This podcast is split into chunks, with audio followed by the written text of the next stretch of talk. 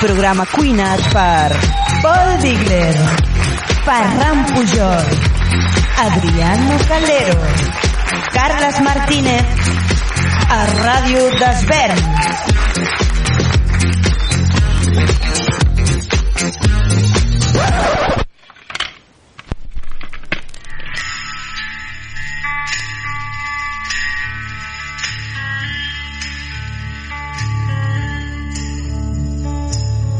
The end, beautiful friend. I aquí ens trobem, al final de totes les coses. Bé, potser no de totes, però sí que us hem de dir que ha arribat el moment de, de tancar la paradeta aquí a Empanada Cultural. I aquest és el tema d'avui, al final, dient, le fin. Han sigut nou programes on hem adaptat el nostre concepte de ràdio i és feina vostra jutjar si hem fet justícia o no al mitjà original. Nou programes on us hem parlat d'autors i les seves obres personals. I de la mateixa forma que ells ho van intentar, hem volgut donar la nostra visió de les coses. Si hem triomfat en la nostra intenció, només vosaltres ho podreu dir. Hem intentat mantenir una sort de terra tort cada diumenge, on l'inici i final dels nostres viatges amb vosaltres sempre han volgut ser la cultura, en tots els seus aspectes. Si pel camí ens hem desviat, de nou, vosaltres ens ho fareu saber. També hem topat amb la política i la seva intència d'amagogia i manipulació, coincidint amb les eleccions i el final de Joc de Trons. Segurament també us van fer promeses incomplertes i buides, no ho podem evitar. Com per exemple parlar d'Àsia, a la que probablement no vam fer del tot justícia al nostre programa, si tan sols tinguéssim més de temps. Black Mirror va ser el nostre primer monogràfic, com una premonició d'aquest futur negre i trencat que ara ens assaja. I vam voler dissimular després amb un altre monogràfic, el del Hype i l'E3, tornant de nou a fer promeses i més promeses que qui sap si mai es compliran. I la setmana passada, amb l'excusa de Sant Joan, vam voler esmenar la plana, parlant del foc i l'esperit de renovació, però aquí ens trobem ara, al final de totes les coses. I qui sap, potser realment sigui així. Comencem aquesta última empanada cultural amb la mirada fixa a l'horitzó, que tants cops semblava fora del nostre abast, però ara, imponent, es planta just als nostres peus. I mirem a l'abisme, i aquest ens torna la mirada. Arribem al final, i per alguna raó no estem tristos. Lost in a romance, Bé, nois, aquí estem a l'últim programa d'Empara Cultural. Eh, què? Com esteu? Com que no? Jo estic molt trist, sí, tu. Bueno, a part d'aquest aquest discurs de mossèn, mossèn no, Ferran. Jo estic a punt de, de, de posar-me a plorar, collons. Ah, jo, jo també, déu nhi perquè no... Què és això que acabem? És que no ho sabem. Però, no, a veure, no ho sabem. Que a mi m'havíeu dit que això anava ja a programa per tota la vida. El, co- sí, contrato indefinido. Contrato indefinido. No, estem esperant una, una, una oferta... Contrato vitalicio, estem, eh? Estem esperant l'oferta o de Ràdio d'Esvern o de Ràdio Sant, Ja, jo Sant, Sant Sant Joan d'Espí- que, que, que, que cada setmana hem anat tirant l'am. Ho hem, ho hem intentat, Ho hem sí. intentat. Tu, Adriano, tranquil, que segur. tens contraïda becari de, Collons. de per vida. Que Eh? jo no faig vacances a l'estiu, que ja ho sabeu. Sí, jo, veritat, per mi, fer feina, fer feina. Que aquest món s'ha guia, d'aixecar. el guia turístic. Ah, exacte. Bueno, nanos, exacte. eh, és l'última- Bueno, i el, i el, i Ah, ostres, i el. Carles? Ah, Havíem dit, Carles, havíem ja no- dit ja que no vindria. trobem a Ves, faltar, una- aquest més, tio més ve tan poc que... més, més, més promeses trencades Bueno, i més raons per en veritat estar trist. Això és part de la vida. Bueno, però, bueno. però on està el Carles, ho sabeu? No, no, no. A veure, a veure, us en recordeu que jo vaig estar un programa també que no... I jo no volia dir res, us en recordeu que jo vaig parlar, havia vist algunes coses així que em van deixar molt impactat. Sí, perquè vas estar jo, amb ell al heu, Bombos. heu vist Apocalipsis Now, no? Està sonant de fons. Sí. Doncs bueno, tenim un nou brando que és en Mr. Bombosi i sí, sí, sí. sí. Hurts Bombose. Eh? I, I el Carles ja... El Carles jo crec que ja no tornarà. Uh, jo crec que el oh, Carles... Tio. Sí, sí. No, sí, sí. Un altre final? Jo crec que sí. Que, que, Carles s'ha anat a... A, a, la, a la jungla. Família, a la jungla. família de jungla. bueno, nois, eh, tirem endavant. Això mateix. D'acord? I Vinga. comencem aquesta última empanada. This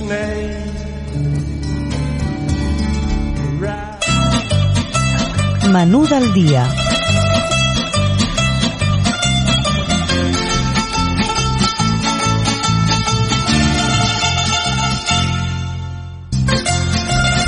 Vale, moltes gràcies, Ferran, per conservar per fi Eh, els, com, els compassos d'aquesta cançó.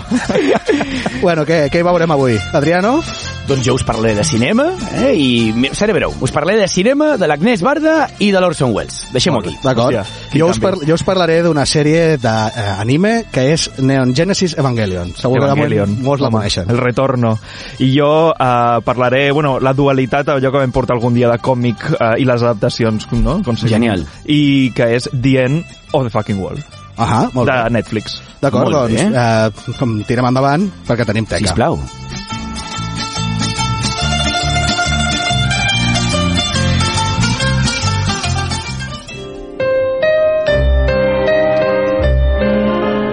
Cinema.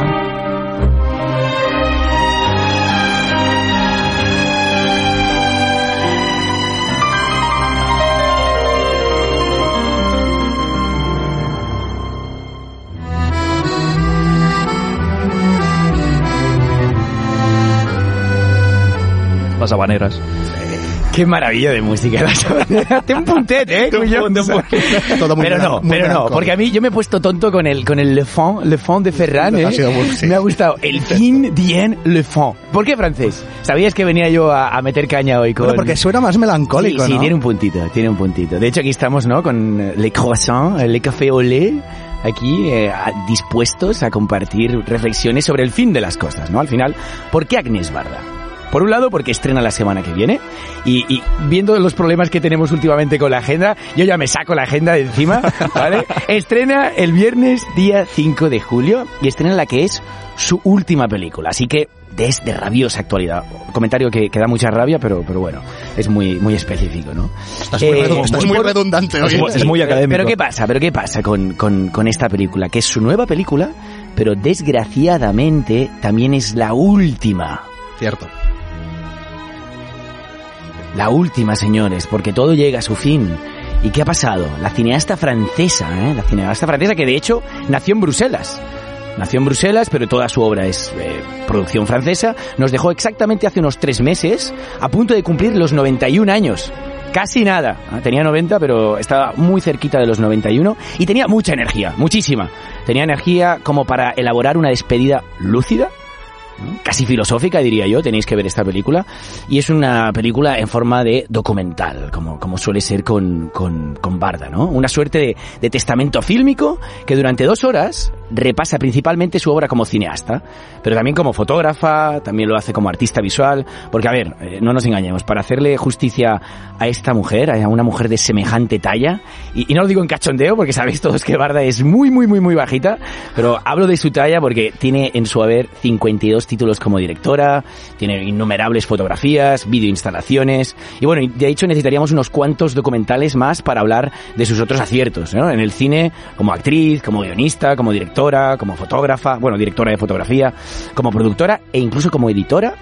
Esto o sea, nos deja entender que lo hizo todo en el séptimo arte y fuera de él, o mejor dicho, de manera tangencial al cine, ¿no? Porque Barda, de alguna manera, nunca estuvo fuera del cine. También supo destacar como profesora, como pedagoga y como feminista. Sí, señores, ser feminista mm, puede que hoy no, pero en su día era una ocupación. ¿eh? Lamentablemente. Quizás ahora sí, sí, surge de una profesión, de un proceso como mucho más natural, pero años atrás imaginaros. Estamos hablando, si os he dicho que estaba a puntito de cumplir 91 años, estamos hablando de una mujer que nació en el año 1900, ay, sí, 1928. Imaginaros por la de cosas que tuvo que pasar, ¿no? Esta mujer, artista y cineasta. Y esto no lo cuenta el documental, pero, pero lo insinúa, lo insinúa. Y como soy consciente de que otros documentales llegarán, posiblemente también habrá uno de, de, Barda como, como feminista, ¿no? No estarán firmados por ella, eso está claro, pero está claro que llegarán. Pero lo mágico de Barda, o lo mágico de la película en sí misma, ¿no? De Barda por Agnès, que es como, como, como indica su propio título, una, de alguna manera es ella la que nos cuenta su labor en el mundo del arte ¿eh? y- y nos cuenta también su labor en la sociedad en general. Porque es ella quien logra cerrar su filmografía a la vez que cierra su vida. Esto es acojonante, ¿no? Es decir, o cierra su vida gracias a poder cerrar su filmografía. Es una, es una pregunta dicotómica que continuamente me, me, me, me invade mi pensamiento porque no acabo de entender cómo puede ser tan perfecto, cómo se puede tener tanto dominio del tiempo y del espacio, ¿no? En fin, lo, lo que está claro es que Barda ha sido siempre una persona muy consciente, eh, un artista muy consecuente, y, y, y lo ha sido siempre con el mundo que le rodeaba. ¿eh? Piensa que en el año 2017 le dan el premio honorífico en los Oscar a ella, ¿eh? a ella, a a Agnès Barda, una, una artista que jamás ha hecho nada por Hollywood, le dan un premio honorífico, ¿vale? Yo creo que eso le da que pensar, no nos engañemos, le da que pensar. Da- la hipocresía, ¿no? No, pero por otro lado, que te den un premio honorífico es una invitación a decirte, bueno... Amor, también, también. Es como Jackie Chan, ¿no? Hace, hace dos años. Es es decir, como- bueno, por, por lo que pueda pasar, ¿eh? Y, y en Hollywood, ¿eh? Del rollo que no se les escape a Hollywood. Pensad que ella no echa nunca, o sea, lo que más parecido que tiene una peli de Hollywood es una que se llamó eh, Lions, Love and Lies, que de hecho es pues, una película un poco atropellada, pero que, que fue, bueno, es reflejo de los años que vivió en, en, con Demi, ¿no? Con su marido, antes de que muriera en Los Ángeles, y bueno, se, se rodea de todo ese artisteo hollywoodiense y da, da fruto esa película así muy caótica, pero que sí, es un reflejo más que de Hollywood, ¿no? De, de- del artisteo de Hollywood. Pero al margen de esto, entre sus 52 películas no tiene nada más que nos, que nos, bueno, que, que conecte con Hollywood. Imaginaros, ¿no? Le dan el premio honorífico, su, su edad tampoco se le debía escapar, y entonces decide cambiar el enfoque de su mirada, es decir, Barda siempre se ha caracterizado por compartir una mirada muy precisa, pero sobre el mundo exterior, y esta vez decide ponerse frente al espejo y retratarse a ella misma. No le deja esa faena a los historiadores, que como os decía llegarán, ni, ni a los escritores de biopics, sino que se anticipa. Y desde una silla, en el escenario, comparte con su público, y estoy hablando de un público literal, ¿eh? pues estas reflexiones que, os estaba comentando, todo y que ella siempre lleva la misma ropa. Es, una cineasta que evidentemente siempre se preocupa del récord. Entonces son muchos los escenarios que aparecen en la película y muy variado su público. Todo esto aparece en ella, entremezclando sus charlas en el escenario con una mirada directa a su obra. De hecho, hay una pequeña selección de, de- de- su obra y, evidentemente, la voz en off, que, que siempre es tan característica de su cine, no deja de acompañarnos, ¿no?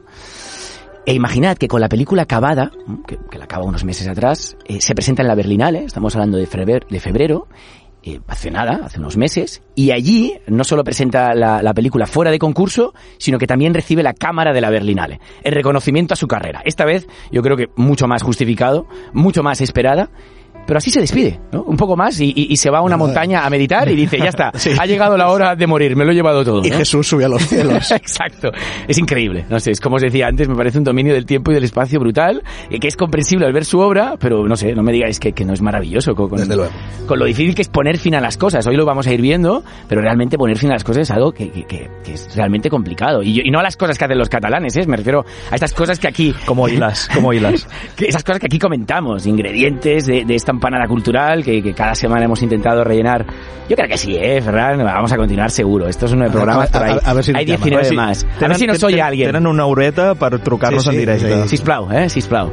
De fet, és això, no? Aquí sempre estem amb el cinema, amb la literatura, amb els videojocs, amb els còmics, amb la música. Son toda una serie de expresiones culturales o artísticas que necesitan de un final para llegar hasta aquí. ¿eh? Necesitan de un final para llegar a vuestras casas, pero también para llegar a este programa de radio. Y como no paran de llegar, de alguna manera, todas estas obras continuamente, de ahí también esta gran empanada que nos afecta, no dejan de llegar con diferentes orígenes, formatos, intenciones, recorridos. Es fácil a veces olvidarse de aquellas que no lo han conseguido, de aquellas que se han quedado a medio camino. Y son muchas, ¿eh? son muchísimas. De hecho, yo creo que no somos conscientes de la de obras que se quedan en el camino. Ya no digamos de las vidas de artistas, ¿eh? que también lo hacen, vidas que, que se ven truncadas o que ni siquiera consiguen empezar. Pero bueno, esta señora lo ha hecho todo, así que por favor, ¿eh? muy recomendable, señores y señoras, vayan al cine, ¿eh? yo creo que les va a encantar, ya sea porque no conocen a Agnès Barda y les encantaría conocerla, o simplemente porque la conocen pero les gustaría despedirse de ella, así que vayan a ver Barda por Agnès. Pero, pero siempre hay un pero, ¿eh? Pero tampoco se olviden de los que no han sabido darle un final a su vida. Lo digo porque hay muchos que intentándolo se murieron. Esta es la otra cara de la moneda, la, de otro tipo de artista, el artista maldito, quizá más conocido, quizá más importante, pero también menos afortunado. Bueno, podríamos hablar de muchísimos personajes, pero yo estoy hablando de nuestro querido Orson Welles, ¿eh? nuestro querido Orson Welles, que hace unos meses ¿eh? volvió a estar en boca de todos. Quizás recordáis el díptico de, de, Netflix. De hecho, yo recuerdo estar escuchando la radio otro programa y, y, escuchar, no, ha aparecido una nueva película de Welles, como aquel que había rescatado. sí, sí. sí, sí una pieza arqueológica, vamos, de un, de un valor inconmensurable. Sí. Y, y, subasta de eBay, ¿sabes? que sale. Exacto, venga. Pero bueno, yo he tardado un poquito en verlo. De hecho, lo he visto precisamente para este programa porque, de nuevo, este díptico, estoy hablando de una película inacabada, ¿no? una película inacabada que se llama Al otro lado del viento, finalmente acabada, pero no por él, y el documental que la acompaña, que yo creo que es realmente la maravilla de este díptico, que se llama Me amarán cuando esté muerto. Es un documental que incluye material de la película, porque su pretensión es, pues, es recoger este, este caótico rodaje que nunca llegó a su fin, pero también explora los últimos 15 años de la vida de Wells. Y es curiosamente este documental, que aunque no está firmado por él, es en sí mismo el testamento fílmico que, por ejemplo, pues nos, ¿no? nos conecta con, con, el testamento fílmico de Barda. Pero bueno, vamos por partes para, para seguir relacionando a estos dos personajes. Wells es otro artista que en el fondo, eh, si lo habéis estudiado, eh, trascendió los límites del cine, pero vamos, o sea, se nutría como nosotros de esta gran empanada cultural, radio, teatro, pintura y hasta música. Esto sí que os va a pillar. Mira, mira, ahí, ahí, ahí. Hasta música. Escuche, vamos a dejar unos segundos para que también los oyentes se lo vayan pensando. I know, I know. what it is to be young. But you, don't know what it is ¿No lo sabemos? to be old. No, no. No. qué grande, qué grande. Bueno, lo que acaba de decir, ¿no? Yo sé lo que es ser joven, pero vosotros no sabéis lo que es ser viejo. De hecho, esta es una canción del año 84 y no sé si lo he mencionado al, al principio, pero bueno, eh, eh, Wells murió un año más tarde, murió en el 85 y entre el 70 y el 85 intentó eh, llevar a cabo esta película que he mencionado que se llama Al otro lado del viento. O sea, no podemos dejar de comentar eh, su, su, sus capacidades musicales, ¿eh? ¿No? Que, Home, jo crec que ten, tenia cos, tenia cos. Jo crec que és, és el Barry White. La, la, la, és, la, lo és. la, la cambra de ressonància era bona. Yo, yo veo un puntito Johnny Cash con Leonard Cohen, pero, pero por exacto, por los excesos. Però, però que, que, que se'ls hagués menjat. Sí, también. És el monstre bu. no, a ver qué pasa. Es lo que tiene beber tanto alcohol, fumar tantos puros. Y vivir O sea, bien, y vivir bien. Y vivir bien, y vivir la vida, ¿no? ¿Qué, qué me comentabas antes, eh, Paul, que me ha encantado? Que, de, del documental, de, Del documental. Hi, ha un documental de, del Jodorowsky, del, del director de cinema, bueno, i Psicomago i mil Sí, coses sí, més, sí, sí. i que hi ha el documental de com va... Hombre renacentista. Com, renacentista, com, va, com no va fer Dune, no? L'adaptació Otro que proyecto inacabado, ¿no? Otro proye- sí, bueno, ni, ni empezado. Bueno, el van començar així com a fer, com, Bueno, com el dossier... sí, exacte. Van començar, i llavors ell, explicant el documental de que ell va anar, persona a persona que volia, va, va, va anar a Dalí, va anar a Pink Floyd, va anar... O sigui, va, va anar conformant tota la pel·lícula i un d'ells era Orson Welles, que ell volia que fos el líder d'un planeta de no sé què. I el tio... Bueno, lo era, lo era, Lo era, sí, el suyo. Uh, bueno, sí, perquè orbitava tot el... Vale. Exacte. Uh, prou de bromes de gordos. Um, Sí. Doncs que... Si us plau. Ah, se siente identificado. No, pues el, doncs el, el, què passa? Que el van a buscar, perquè li van fer el xivatazo de que aquest tio anava, anava a menjar molt a un restaurant crec que era francès, i el tio per convèncer-lo de que entrés a, a, la- a la pel·lícula, perquè ell deia, no, no, no, jo ja m'he retirat, no vull pasta, no sé què, li va dir, vale, pues et prometo que si vens al rodatge tindràs aquest, aquest, el que estàs menjant d'aquest restaurant que tant t'agrada a diari de catering i el tio va dir vamos allá ¿Dónde está? vamos, ¿dónde, ¿Dónde, ¿dónde firmo? ¿Cuándo y cómo y dónde? es enorme, es enorme.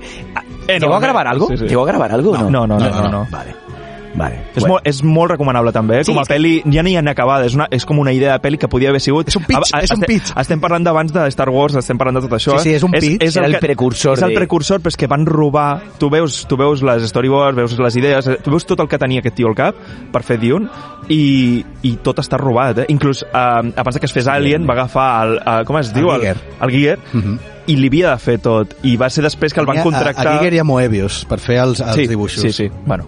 Però molt recomanable. Jodorowsky és... Bueno, de hecho son estos documentales los que nos están acercando a estas obras inacabadas, ¿no? La de Los en totalmente. la Mancha, que al, que Ah, al final aquí. ha acabado rodando eh, la película sobre el Quijote. De hecho, otro de las obras inacabadas de, de Wells es una película sobre el Quijote, pero no nos desviemos, ¿eh? hagamos un pequeño repaso así breve sobre, sobre la imagen de Wells, porque es que yo creo que su final está contenido en el principio. Al final no nos podemos olvidar de que Wells, aunque ya traía fama con el tema de la radio, eh, hace de su primera película, Ciudadano Kane, en el año 1941, la mejor película de la historia del cine. Bueno, las muchísimos- escuelas. Exacto, sí, yo creo, porque, a ver, evidentemente no estoy de acuerdo, es un peliculón. Pero, pero claro, imaginad que eso le marcó de por vida. Es decir, todo lo que hacía en adelante estaba viviendo siempre bajo la gran sombra de esa poderosa película que se llamaba Ciudadano Kane. De alguna manera, a mí me- recuerda a Neruda. De, de hecho, es un poco lo que le pasó a Neruda con 20 años cuando hizo 20 poemas de amor y una canción desesperada. Yo recuerdo haber leído que a Neruda le tocaba lidiar con espontáneos en sus recitales que le pedían una y otra vez volver al pasado. O sea, el tío estaba igual recitando obras nuevas, pero aparecía siempre un espontáneo que le decía, por favor, el poema 20 o el poema 15. Estoy hablando de los míticos poemas de, no, eh, me encanta cuánto callas o Me gustan tu- los tus primeros CDs. de este un poco de este palo, ¿no? Pero además es algo que yo ni entiendo, porque, eh, o sea, nadie duda del, del valor de esa obra, de los 20 poemas, pero vosotros habéis oído, o sea, escuchado alguna vez a Neruda recitar? O sea, ¿lo habéis escuchado alguna vez, Puedo no? escribir los versos más tristes. esta Es él, ¿eh? Es decir, no me estoy cachondeando, es Neruda. Escribir, por ejemplo, Ay. La noche está estrellada. ¿Habéis leído este poema? ¿Lo recordáis? Tan azules los astros. Es lamentable, es- Es que, es que tú lo escuchas así y dices, por, por Dios. ¿Quién es este, Mira, ¿quién es este tarao? Avui, perfecte perquè com que avui és dia de missa, pues, ah, va molt bé. No, no, es, es que es acojonante. Tú Puedo lees este poema. los tristes. No, pero sí, o sea, si busques el poema que busques recitado por él, tiene este tono. Lo lees, de alguna manera, te enamoras, lo escuchas y quieres que acabe, ¿no? Esto sí que está muy claro que Lo vamos- que, quieres lo vamos, lo vamos a acabar. Bueno, y sí, eh, me gustaría finalizar con, con Wells, ¿no? Eh, como os decía, murió a los 70 años de edad, era el año 85 y se pasó los últimos 15 intentando grabar, o rodar más bien, al otro lado del viento. De hecho lo hizo, ¿eh? Entre el 70 y el 76 eh, dio con muchísimo material, pero no suficiente como para acabar la película. ¿Y de qué va al otro lado del viento? Pues es claramente una película autobiográfica con la que Wells, con la cual Wells pretendía eh, obtener, ¿no? Una vez más, la gloria de su país natal, Estados Unidos. Sabíais que llevaba muchos años viviendo en el exilio, en el exilio artístico también, y, y de hecho, si, si lees la sinopsis de la película, es exactamente su vida. Es decir, habla de un, de un legendario director, que en este caso se llama Jake Hannaford, que está interpretado, por cierto, por su amigo y director Houston, ¿no? John Houston. Y este, este director legendario regresa a Hollywood después de un exilio en Europa, mm, me suena, con planes para completar el trabajo de su propia película, que también se llama Al otro lado del viento. ¿Os imagináis, no? El cine Que meta, dentro del todo cine, muy meta. És, és, muy, és muy Almodóvar, eh? También, ahora, es, es verdad, porque podríamos estar hablando de Dolor, Dolor y y Gloria, Gloria, ¿no? sí. Y su mirada crepuscular. Pero bueno, eh, Wells no lo consigue. Wells da con muchísimo material entre el 70 y el 76, con Houston, con Peter Bogdanovich, que también aparece. Amigos y cineastas, y también amantes y cineastas, ¿eh? Estamos hablando de Oja Okdar, Oja Kodar, perdón, que también aparece en la película y era su amante es una maravilla, ¿no? Cuando la vida se, se mezcla, la vida real se mezcla con la propia creación. Lo malo es que no pudo, de, tanto que se le mezcló, no pudo eh, empezar a montar la película hasta los años 80. Le faltaba material para ello, como os he dicho, y material que no había rodado. Y sorprendentemente, con todo lo que tenía, al final dio con un montaje, parece ser de unos 40 minutos, ¿eh? y este montaje lo deja antes de su muerte. Es el montaje que precisamente han aprovechado ahora para llevar a cabo la película porque él no consiguió un final. Pero os he contado que ahora la podéis ver en Netflix. ¿Qué, qué ha pasado entonces? Pues que, que otros la han acabado por él.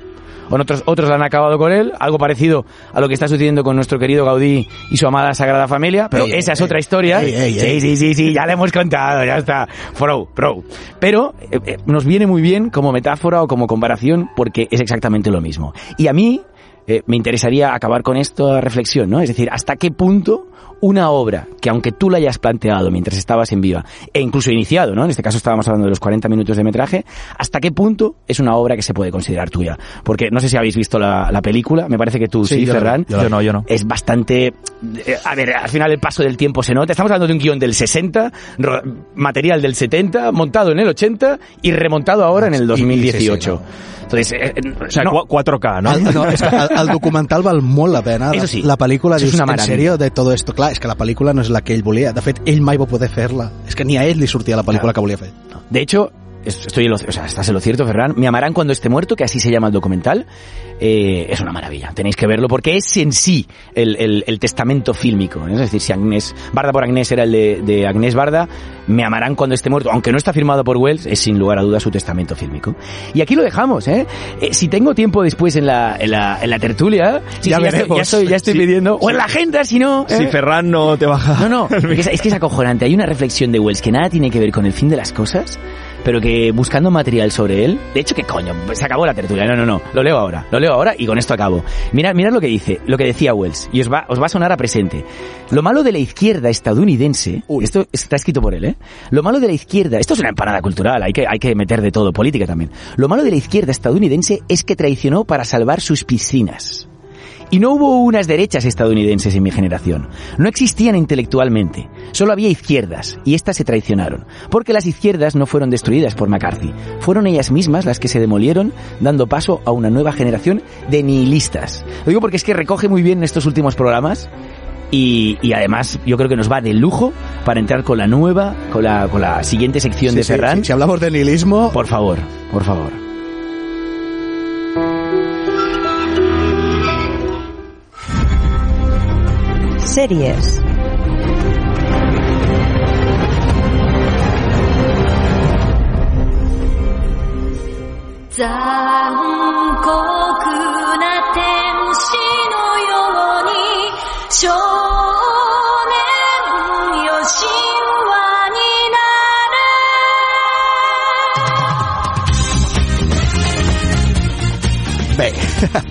Bé, sí, parlem de, de nihilisme, sí, parlem de palles mentals, com aquestes que s'estava muntant l'Adriano. Per cert, xaval, 20 minutacos, eh? T'has menjat aquí. Pero bien, pero lo hemos visto todo. No, no, és molt interessant, de debò, veieu el documental, perquè està molt bé. Doncs, bueno, alguna gent ja haurà, ja haurà identificat el, el del que us vull parlar. Això és el tema que es diu Cruel Angel Thesis de Neon Genesis Evangelion, aquest famós anime de mechas, o sigui, robots gegants que es barallen. És una sèrie que ja compta gairebé 24 anys, així que com entendreu, no em penso tallar res en spoilers. Molts l'heu vist, molts l'han començat, molts altres no l'han acabat i molts altres no han acabat d'entendre de què va la sèrie. Jo m'incloc. L'he vist moltes Home, vegades. que jo crec que és d'aquestes en profunditat. Sí. El pseudo, japonès, pseudo no? psicològico. Sí, sí. Bueno, pseudo o no, el que passa que... Ah, Bueno, ara en parlarem, ara ara en parlem. El tema, de totes maneres, que sapigueu que Netflix ha adquirit els drets últimament i la Està a podeu Netflix, veure. llavors? Sí, sí, la Ah, podeu vale. veure en totalitat uh, i ja sabeu, binge watch. Hay que pedirle a Netflix también comisión, ¿eh? Yo creo, porque... Bueno, Potser es contracten. Ens podria, almenys em podrien pagar la subscripció, que aquí dels quatre que tinc en, en llista ningú em paga. Però bé, és un anime que es va estrenar any 95 eh, de l'estudi Gainax i dirigit per Hideaki Anno. La història, bàsicament, ens situem a l'any 2015 en una terra post-apocalíptica que està en reconstrucció, arran de l'atac inesperat d'uns certs anomenats àngels, 15 anys abans, l'any 2000. Aquell event cataclísmic es va titular El segon impacte. Dic els noms perquè és important eh, a l'hora d'entendre l'argument de tot plegat. Tot i que van poder superar aquells atacs, la ONU preveu que els àngels tornaran i ha creat una organització paramilitar a Tòquio 3, o sigui, ja, ja és la tercera versió de Tòquio, eh, anomenada NERF. NERF ha desenvolupat uns robots gegants de misterioses habilitats anomenats Evangelions, o EVAs, que són pilotats només pels joves que resultin compatibles amb ells. I aquí apareix Shinji Ikari, 14 anys, que és el fill del director de NERF, amb qui manté una molt mala relació, ja que va preferir el pare dirigir NERF que no educar-lo un cop va morir la seva mare. És muy japo, eh? Sí, sí, sí, sí, daddy issues per tot arreu. De fet, no és l'únic personatge que té problema amb sons pares, ja veureu. Al descobrir que son pare només mostra interès en ell per, perquè és compatible amb un dels Evas, ell es nega a pilotar, però apareix un àngel just en aquell moment que comença a destruir la ciutat i la pilot de l'altre Eva disponible, la Rei Yanami, està fora de combat, així que acaba pujant a la cabina del robot. La primera batalla és patètica. Als pocs minuts el Shinji queda fora de combat, però de sobte el seu Eva, el seu robot, per iniciativa pròpia entra en mode Berserker i amb una fúria inusitada destrossa l'àngel. I sembla que no ho fa pas per protegir la ciutat, sinó per protegir el pilot que porta dintre. Aquest és el gran misteri inicial d'Evangelion. Inicial perquè després n'hi ha molts més, eh? Què són exactament aquests robots? A mesura que avança la sèrie, comencem a veure que sota la carcassa s'hi amaguen elements biològics, certs que no disten tant dels propis àngels. I a poc a poc es va descobrint que hi ha darrere de tot plegat. I agafeu-vos perquè venen corbes, eh? Els Eva són part d'Adam, el primer àngel, Collons. i culpable del segon impacte esmentat al principi.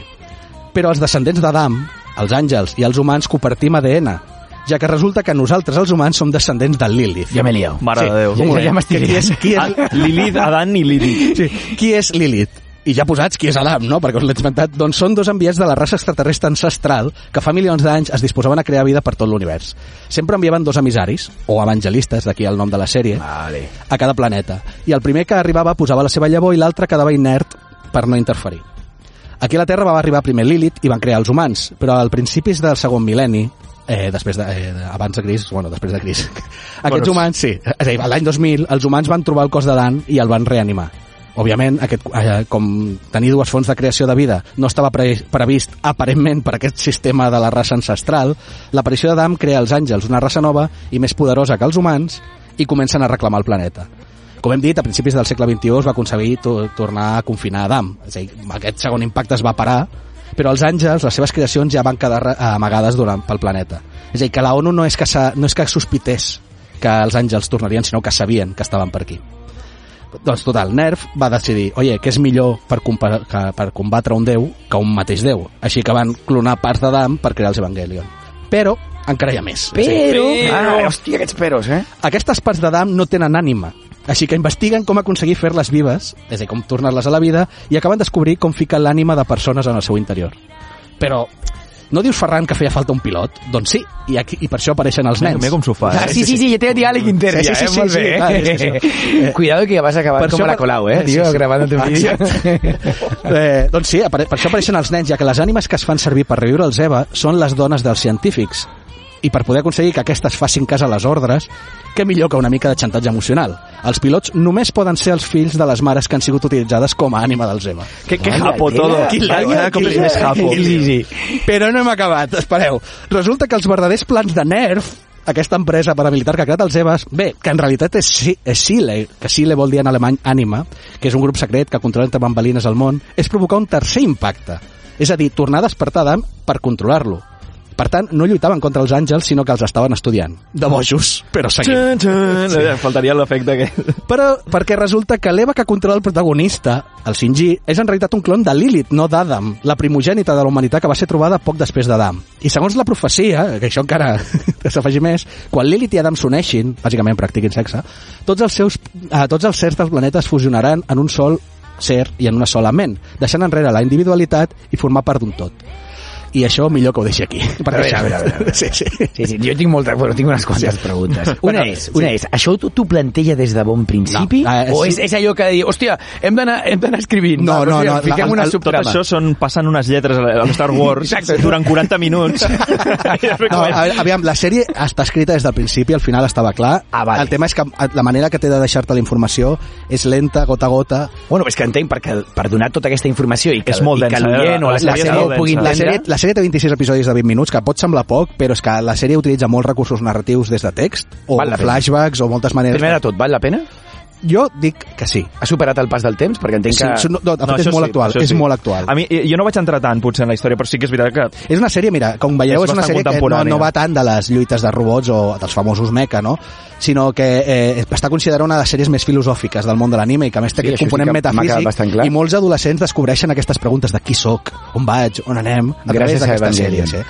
Sí. Clar, els personatges es, es qüestionen molt tot això, que qui són i on van, i per què fan les coses. A mesura que l'argument es va desentrellant, més que respostes, apareixen moltes més preguntes i això, a un nivell quasi metafísic.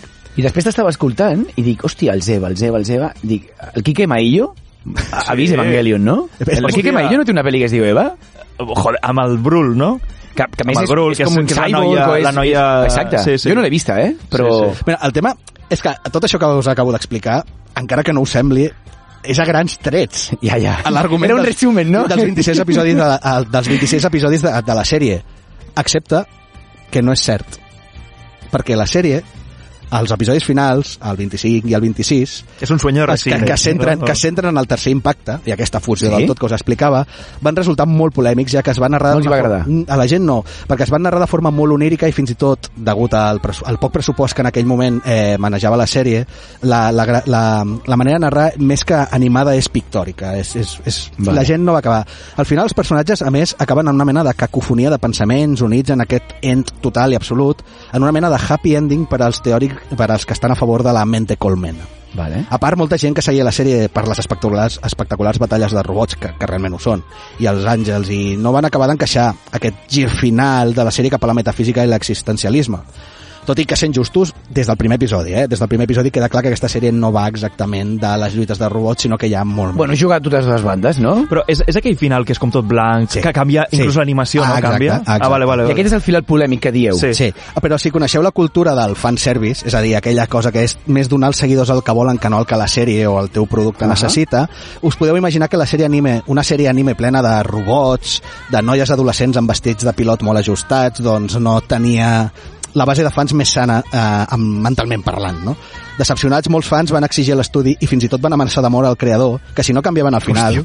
Eh, I tot això, estem parlant a l'any 1996, enviant cartes o fent pintades a la casa del creador, no fent un change.org com ara fan els Juego de amb el, Tronos, eh? exacte, con el Juego de Tronos. El tema és que l'any següent es va estrenar, és a dir, va cedir. Aparentment va cedir. Es va estrenar la pel·lícula The End of Evangelion, que va ser una mena de reinterpretació dels dos últims episodis, on es canvien certs aconteixements, es dona sortida a preguntes que havien quedat a l'aire, i, aparentment, com deia, eh, es saciava aquest maleït fanservice. I llavors, el que estàs dient és que aquests dos capítols Eh, Tenen una segona interpretació amb una pel·lícula que es diu The End of Llavors Evangelion. podries veure que vas dir 27, 25 capítols i el nou final. No, jo, bueno, és millor veure-ho tot, eh? Perquè, Sí, ja sí, et dic, per comparativa. ah, perquè ja et dic perquè aparentment sembla que sí, que la, que la pel·lícula fa un servei aquest fanservice, eh, on hi ha un, hi ha un parell d'escenes on, per fi, que deurien dir els fans, s'arriba a veure nues a les protagonistes. Eh, eh, i les I companyes... eso es lo que todo el mundo esperaba, Clar, ¿no?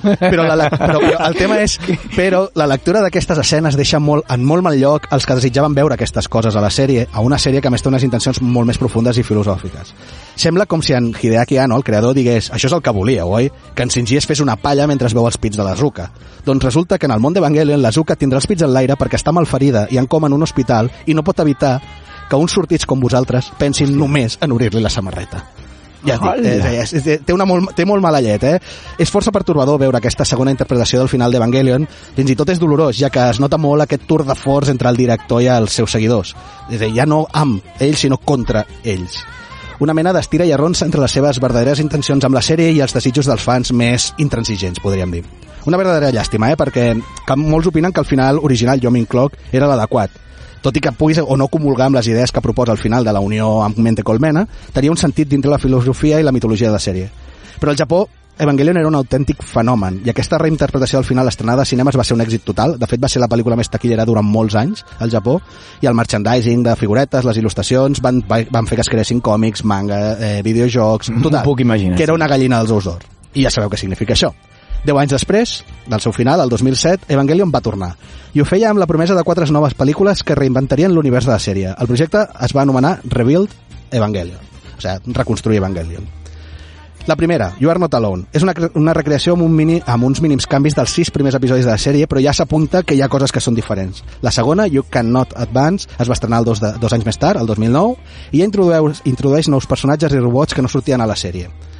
Eh, la tercera, You Cannot Redo, es va estrenar el 2012 i d'entrada ja fa un salt de 14 anys amb el que queda clar que això és una altra història. I la quarta i última s'anava a estrenar el 2013 i a dia d'avui encara l'estem esperant. Això sí, eh, s'ha promès que el 2020 s'estrenarà. Els constants endarreriments es deuen a que el director, Hideaki Anno, va caure en una profunda depressió. Depressió que en realitat ja arrossegava des d'abans de començar inclús la sèrie original i que li va servir d'inspiració per al gran contingut metafísic que té la mateixa sèrie. De totes maneres, també cal dir que s'ha re, s'ha recuperat i fins i tot ha dirigit el reboot de la, de la saga Godzilla, que algú ha volit- la, la versió japonesa, eh? Parlo, la de Shin Godzilla, la pel·lícula, És ell? és el director de... Hòstia, de... pues, és I- i ara- molt bona, A més, ara sembla que de debò, de veres, va de debò dient, vinga, va, acabarem Evangelion. Jo he vist les altres tres d'aquesta mena de restart. You are not alone, el you La can sèrie, és, not, la sèrie és mil vegades millor, eh? perquè el fanservice s'ha quedat per, per, per sempre. En fi, com veieu, hi ha coses que resisteixen a acabar o a morir. Evangelion és un mite dins del món de l'anime, però tant per lo bo com per lo dolent. Ja us dic, nosaltres acabem avui empanada cultural i depèn com. Que no. Sembla que millor. Que no, Ferran. Ja veuràs que no. I ens reconstruiran. O sigui que tenim Evangelion per, vamos, per tota la vida. Bueno, és que no, no, no deixaran de vendre figuretes i a més és això, mentre hi hagi nois que l'única cosa que veuen són pits, pits, pits... Eh... Ja, però això és... No sé, ara estava pensant, per exemple, amb l'últim capítol de, de... Hòstia, el James Gandolfini, de Los Soprano. Sí. Se'n recordeu? També Sí, era molt el talla, simbòlic. el talla negre. Bueno, va, de fet, ja, ja va haver-hi tota una polèmica, però al final la gent ho ha acceptat. Sí o no? Sí, sí. Clar, perquè imagina't... Però ja no, si no, el Peter ja... Bogdanovich hagués hagut de, de fer un altre capítol i un altre... No, home, no. Vinga, va, que ens queden... Eh, un... Anem bastant bueno, sí, de temps. Sí, sí i, ja el Pol, ja, això ja mola. I el Pol encara, sí. i el Pol encara ha de parlar. No,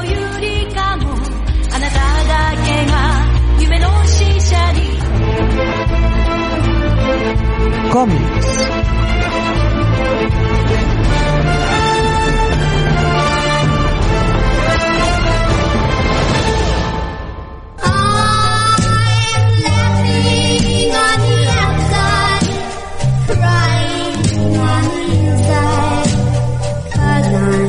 Laughing on the outside, crying on the inside. Ja seguim, seguim amb el bon rotllo, seguim amb, amb la posi el positivisme.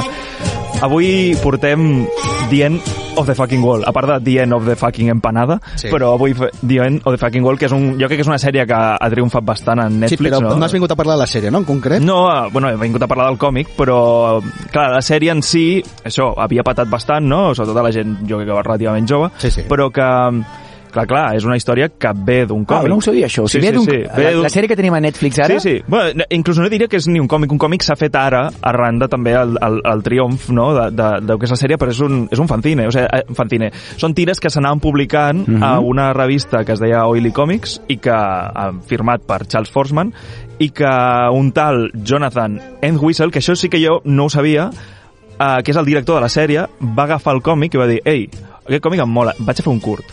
I va fer un curt, i aquest curt va triomfar prou com perquè Netflix li comprés Ah, la idea. Sí, sí, sí, hi ha, un sí, hi ha tres fases. Això és molt important, eh?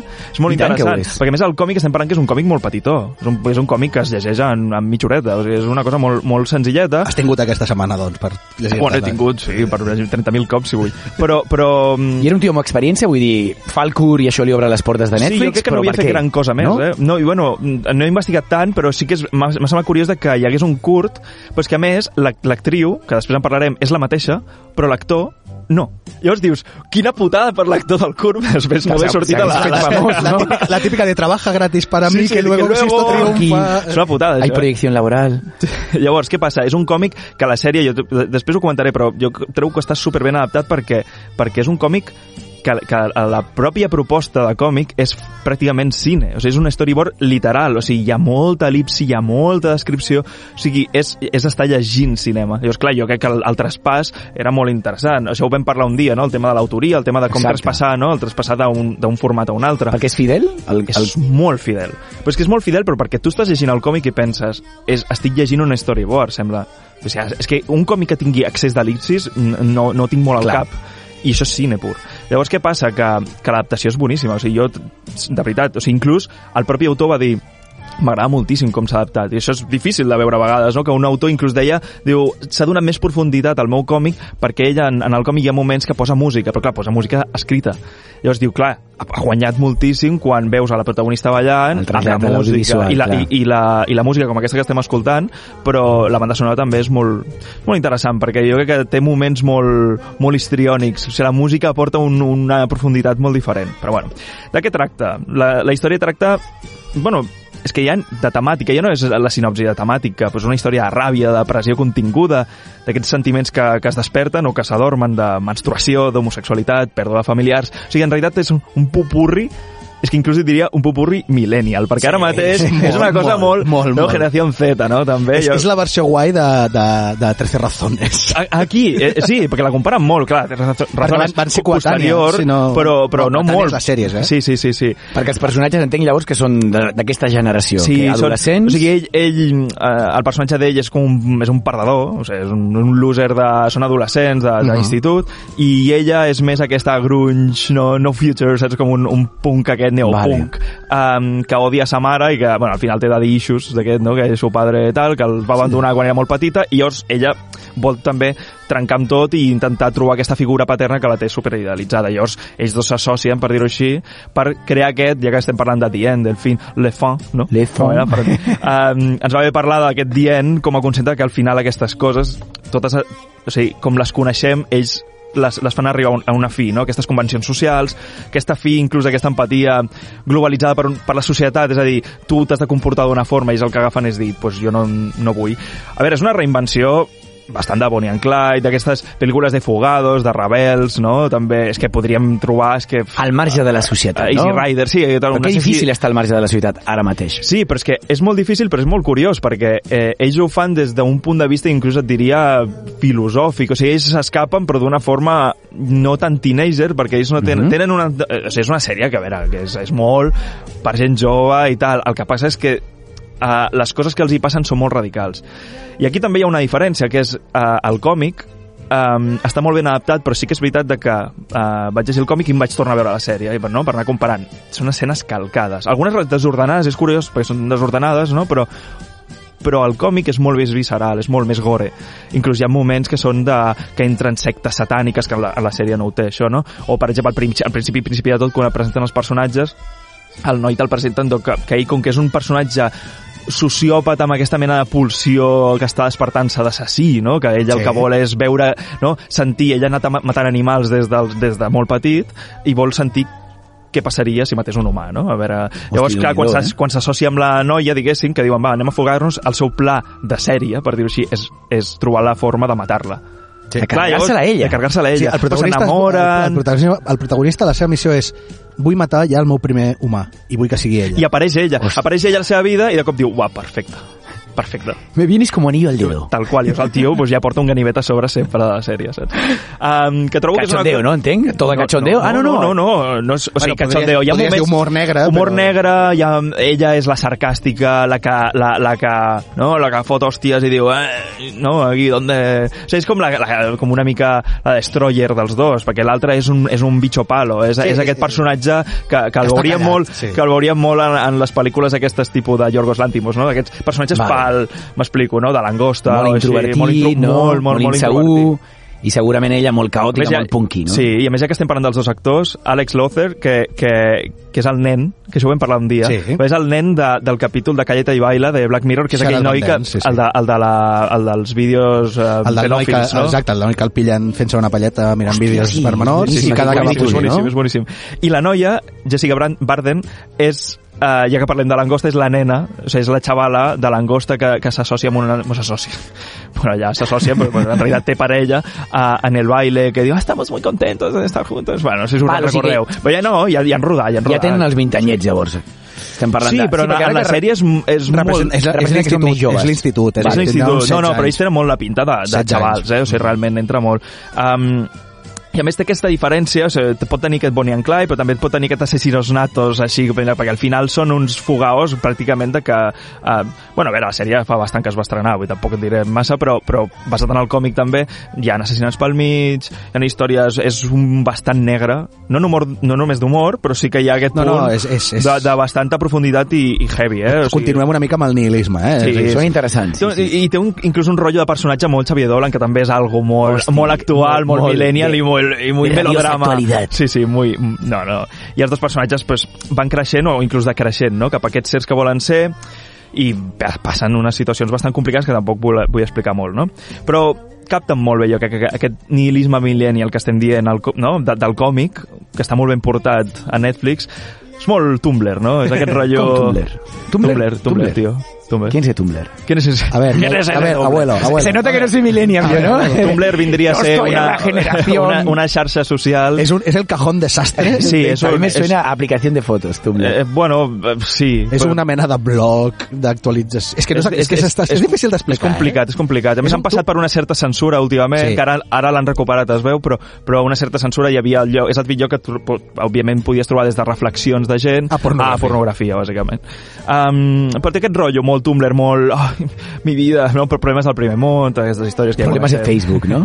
Llavors, um, re, per- partint un altre cop del còmic, molt cinematogràfic, moltes el·lipsis, és un còmic bastant poc a, a l'uso, no?, que tenim, que tenim pensat. Llavors jo, la, la sèrie crec que és molt, molt bona i una molt bona adaptació, però perquè, perquè jo crec que ja li ve donat, però és que ha, ha portat això, el tema de música, ha, ha portat una profunditat dels personatges que, òbviament, en un còmic tan petitó no et dona temps, i, a- i això sí que un punt a favor, o sigui, és una molt bona adaptació. L'altre és que jo personalment, a partir de la meitat de la sèrie, decau potser una mica la intenció, per exemple, és que el punt de partida de tenir de que el protagonista Sí. vulgui matar A mi em va l'altre passar- a mi em va passar el mateix. és molt bo, això és molt bo és que una tensió és allò que deia Clar, Hitchcock no? de, sí. amb la soga, és com està allà Sí, la està sèrie- allà, la un l'assassinat pla- està ahí l'assassí- però els personatges la- no ho saben la- la- L'arrencada de la Ja. sèrie té, un, té una premissa I brutal. això ho manté fins al final. El tema és que a meitat de la sèrie passa una cosa que, Sí, fa, no, no que, que, massa. que faci que, que fa que l'eix es vagi cap a un sí, altre costat. Hi ha, hi ha i no. certs canvis, que- però jo crec que és això. A vegades, bueno, pot- potser podríem fer un debat, no vull, ja sé, però podríem fer un debat. ¿Por que el tema no? La tertulia, lo cabe todo en la però, tertulia. Però, però, mm, uh, allò, blanquecina, no? Com es diu allò? En blanqueig, Ah, no? En blanqueig, sí, és un sí, blanqueig. Netflix. Blanquejar? Blanqueig, una mica, perquè, per exemple, el, el, la presentació del personatge protagonista, eh, ell, per sentir alguna cosa, posa la mà, quan és xaval, Sí. posa la mà en una trituradora d'aquestes... Això de- això al còmic. En el còmic. En la sèrie, no el que fa és la mà la posa a, Ah, a una fregidora d'oli. ah, sí. Llavors, ell va amb la mà... Però, clar, a la, la, en el còmic eh, li falta falten com dos, dits. dos dits Uau.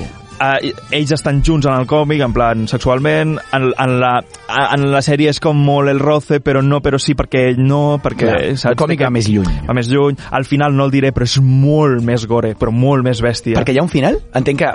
Clar, aquí la sèrie es diu final... The End of the Fucking sí, World. hi ha un final, en el còmic s'acaba, és bastant també un pseudo obert, ¿vale? és una cosa d'aquestes així mm, volar la imaginació és un, bueno, sense dir res més de Soprano perquè aquí crec que hi ha algú que no l'ha vist però, però bueno, bàsicament Uh, el còmic acaba però la sèrie no perquè la sèrie ja han confirmat que hi haurà una segona temporada que crec que és, Veus, ah, Ferran, com que les coses Sí, sembla sí, que final- acaben però no? Sí, sí, no, No, sé si és és que- finals d'any. Jo no sé si és necessari, perquè això ho parlàvem amb, amb, amb Muñeca Russa, però és que aquí, clar...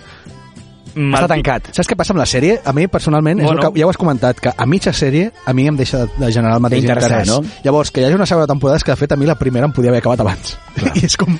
Però bueno, aquí també una altra vegada estem amb aquesta reflexió, amb aquesta dicotomia espectador-creador, Sí, no? sí, si sí, l'espectador reclama, si l'espectador vol més, doncs per què no donar-li? No, clar, Això pensen les productores, no? Calés. Estarà estar estirant el xicle, però no, no perquè no es pugui continuar, perquè diguéssim que es podria continuar, però a més el còmic té una mena d'epíleg que, que en, el, en la sèrie no, no, no et dic que no respecti, sinó òbviament han anat, hi ha un moment que han anat cadascú pel seu lloc i el còmic no aprofundeix tant com ha pogut fer la sèrie, que està molt bé, repeteixo, eh? o sigui, el profundi, la profunditat que tenen els personatges és de puta mare i totes les escenes extres que, que es graven. Sí, sí, els personatges en si són guais, però és l'argument que en cert moment... Sí. No, però és gir. molt recomanable. Sí, I això sí, això sí. a- entrant en recomanacions, jo recomanaria també altres còmics de l'autor, que, que són molt interessants en, en el Mhm. rotllo així, no? també com i Millennial i tal, que és Celebrated Summer, I'm Not Okay With This, i Slasher, que crec que és l'últim, que va sortir l'any passat.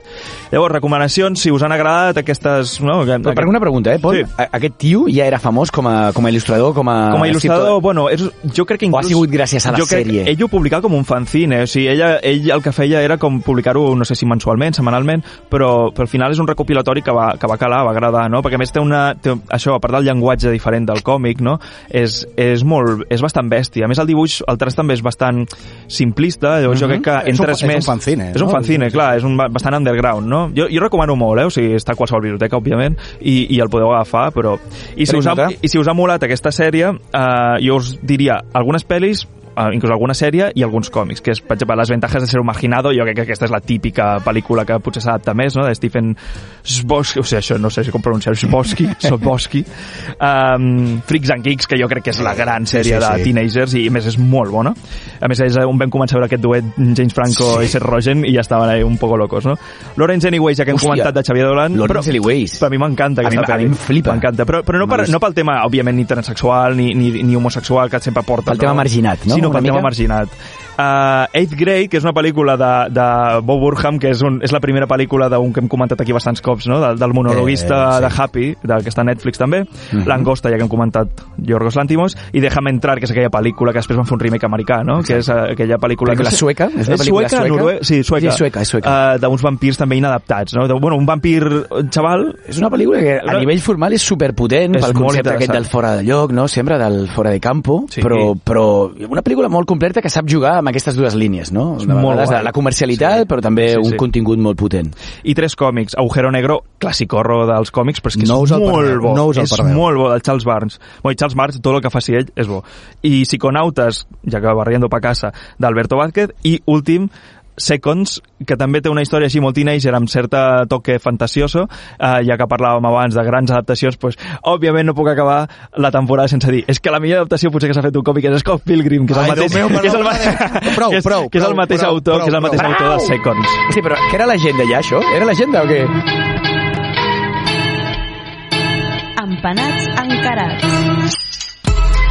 Ens queden 6 minuts i mig. Algú ha Bueno, jo, jo el que voldria fer és una, una petició, si plau als nostres oients, de, de, de, de, de, de que ens permetin continuar. Dir- Nomina, no, nominados. Sí, por favor. Nominaciones. Ara, ara és una mica Orson Welles, eh? perquè no sé si ho sabeu que Orson Welles es va presentar un programa als Estats Units per reclamar pasta, per reclamar pasta per veure si aconseguia gravar Per la pel·lícula, perquè com ja s'havia quedat sense calés, en massa, en, a l'altre lado del viento, eh? És que és molt bèstia. Ho podeu veure, això, amb el documental? El, el documental, de debò, el documental que Te'n recordes l'Adrià. Ferran, Sí, sí, és boníssim. El tio surt allà amb, amb, els espectadors estan en plan Orson Welles, Ei, ei, Orson... ei, Què passa? Algú ha picat? Algú ha picat a la porta? Ei, amics. Hola. Ai, amics. Què, què, què passa? Hola, hola. Ostres, passi, passi, passi, dia. passi. Hòstia. S'acabi, eh? Bon dia. Mira, mira, que sa, mira jo sóc una, que una no oient... Soc, soc una oient... eh, Jo de, de, Hola, hola, com- escolto com es tots diu? els Com es diu? nous, Com es els he diu? escoltat, eh? Com es diu Clar? Que tenim un oient. Que... Sí, Molt bé. home, i tant. Mira, que guai, jo, que guai. o sigui, jo, mi- mira, això que diu, les muñeques russes, jo tinc matriosques d'aquestes de casa, aquell el vaig, el vaig seguir. Després, ara ha sigut molt maco això que eh, eh, el Neruda, jo no sabia que recités, semblava l'Eugenio Papal, un Eugenio Papal, això de... Bueno, vull dir, a mi m'encanta, jo, jo, de veritat, faré un barcami d'aquest, que amb les Barcami, veïnes, clau. sí. Però jo- senyora, vostè, quina edat té vostè? Ah, perquè és que jo... Jo això- pensava que això era un Tot programa el per respecte, joves, eh? Tot el respecte, no, no. Sí, bueno, quants me'n posaries? Uf, no, no, no. Va, quants me'n poses? Vostè està jubilat. Mulla't, mulla't. Mulla't. Vostè està jubilada. Estic jubilada, sí. Per això ens escolta. Però, no, home, no, però mira, Eh, jo... que és en diumenge, eh, tio, que També és veritat. només De- els dies penquem. De jove, si hagués tingut un, una ràdio d'aquestes, Però- així com feia el, Ha dit, ha dit un Berkami. un Berkami. per què? Què, què vol? Home, perquè això no s'acabi, eh? Apropa't al micro, Pol. És que la senyora li ha robat el micròfon. Estava, estava convençut, Ferran, que això passaria, eh? T'ho he dit, eh? T'ho he dit. No, no, molt bé, però què, què, vol, què vol fer un Berkami? Per què? Sí, perquè a més a més, eh, això no sé si ho feu gratis o què, eh, per voluntat o això que us... Bueno, Però, D'això no en parlem. doncs mira... eh, Per donar-nos un sou, faré un Berkami perquè això tinguem mateix, sou. sí, i després el cafè, de, de després o la Clar que cervesa sí. que feu quan acabeu... jo, El... sí que, jo sí que continuem, no? Eh, Oh, i eh, tant. eh, eh, gràcies a aquesta... Eh, doncs mira, bona notícia, no? Ai, amigos, Doncs mira, ja sabia, el, que, el, ja que, sabia el que sembla que farem és que tindrem un parell de mesos de vacances i de cara al curs següent, cap al setembre... Sí, senyora? Ah, això sí, s'ho mereixeu, eh? Sí, Ah, ara sí, uns dies Però vostè té contactes o no? Vull dir, Jo podem tinc. confiar en sí, això? Sí, sí, ara, to- jo ara quan això ja no se senti, tu i jo parlarem a soles, genial, eh? genial. Ho teníem clar perquè juliol, agost, estiu, fogueres, s'ha acabat. Però setembre continuem? Sí, vinga, va. Setembre continuem, Però, no, sí? no, però mira, no només això. Per què farem a l'estiu? Perquè, clar, a l'estiu nosaltres... Eh, és el que dius tu, Adriano, nosaltres no parem. Clar que no. I, de fet, eh, des d'aquest cap de setmana tenim xarxes socials, cosa que Uh, hem trobat a faltar. uh. Xarxes socials. Tumblr, també, tenemos, tenemos Tumblr. El gestionaràs tu. Estem, estem, no, estem començant, hem, hem arrencat primer amb l'Instagram, que serà potser... Que és la perfecta- és la xarxa perfecta per moure tenim ràdio. Instagram, si busqueu Instagram, arroba empanada, si busqueu Instagram, arroba empanada cultural, ens podreu seguir, allà penjarem bàsicament fotografies del, roda, de, del rodatge. No? No, també, també, Sí, sí, I, de, I de recomanacions, després aviat hi haurà Twitter, aviat hi haurà Facebook i segurament acabem fent SoundCloud. I hem decidit, perquè vam estar parlant de si ens foten fora de la ràdio, fem el nostre programa Clar que sí. con casinos i con putes, ¿vale? Llavors farem Empanada I Cultural. Gazpacho Edition, no tindrà una data eh, fixa, perquè encara hem de mirar, perquè vulgueu o no, nosaltres no anem de vacances però ens agrada anar a la platja. I tant. Vale? Llavors, eh, tindrem això, Gazpacho Edition, d'Empanada Cultural, des de casa d'algú. Des d'alguna platxeta també podria ser? Podeu venir a casa, si voleu, ja fa jo el I gaspatxo. us dic, a les, a les xarxes socials trobareu, parlem, eh? a, a, si busqueu Empanada Cultural a les xarxes socials, us anirem informant de més coses. Molt bé. Bueno, i bueno. Com, perdoni, eh, que li torni a preguntar, com es diu vostè? Sóc la Carme. La Carme. Sí. Vale, doncs Carme, ara, ara, ara, no, ara quedem seriosament i podem, podria fer el programa allà, a casa seva, amb un gazpatxet. Sí, i a més a més jo, que sapigueu una cosa, jo Vostè no tenia d'aquí. mòbil i me'l penso comprar per poder seguir-vos a Instagram. Però com no va fer el Berkami si no té mòbil, si no té res? ai, bueno, ai, bueno. Bueno, ara ens prenem un cafè i ho acabem de parlar, això. Eh, sí. I què? Tenim temps per l'agenda? Mm, Uh, así como Va, siempre super, nos per gusta. sobre, super, Dos minuts, dos sense, sense, sense Molt, ei, per cert, moltes gràcies, Carme, eh? Moltes I gràcies. tant que sí, moltíssimes gràcies. Un petonet, un Adéu, petonet. guapa, adéu. Aviam, en cinema, què tenim? Super ràpid. Bueno, super, mira, super, super, super ràpid? Res. Bueno, doncs al, al cinema, clar, ho he dit ja. Agnès, Barda por Agnès, eh, que l'estrenen el 5 de juliol, però us en recordeu que vam estar parlant de los días que vendrán? Sí. Eh, de Carlos Márquez Marcet? Ja està en cartell. Doncs ja està en cartell. I sisplau, aneu a veure-la perquè és una I meravella. los muertes, los muertos También. no mueren de Jim Jarmusch, que de, aquesta... de, de Dead Don't Die, no? De Dead De Don't Die. Eh? Sí, també s'ha de dir que Matrix torna al cinema. Això és molt interessant, eh? Sí. Això s'haurà de veure. I mm, després, eh, en sèries, eh, el 4 de juliol torna Stranger Things, que, Sí. bueno, torna mm, com molts cops. Sí. Stranger Things masses cops. 27 de juliol estrenen The Boys, que també, ja que parlàvem d'adaptacions de còmics, un còmic de puta mare a Amazon Prime. I I de música, doncs, sessió doble de Synthwave el dimecres 5, que punxa eh, una punxada al Meteoro, i el dissabte 6 també, de Charlotte Gainsbourg, al Festival de Paralada. No sé què he dit ara mateix. No, no, eh, si, vol- que si voleu anar a veure Charlotte Gainsbourg és de Festival de Paralada. Molt bé. Bon estiu! Bon estiu a tothom. Vinga, doncs, eh, nois, sí. ha sigut una mica accidentat Com sempre, com senyora És que, ha sigut, és que ha entrat aquesta d'hora, tio, i m'han pres el micro. Bueno, No, jo, no, no, però, eh, acabar sempre costa, sí, no? no, acabar, però ja tenim clar que tornarem, oi? Que no acabem. Vinga, nois, bon estiu. Un petonet. Bueno, I molt bon dia a tothom. empaneu-vos. Empaneu-vos.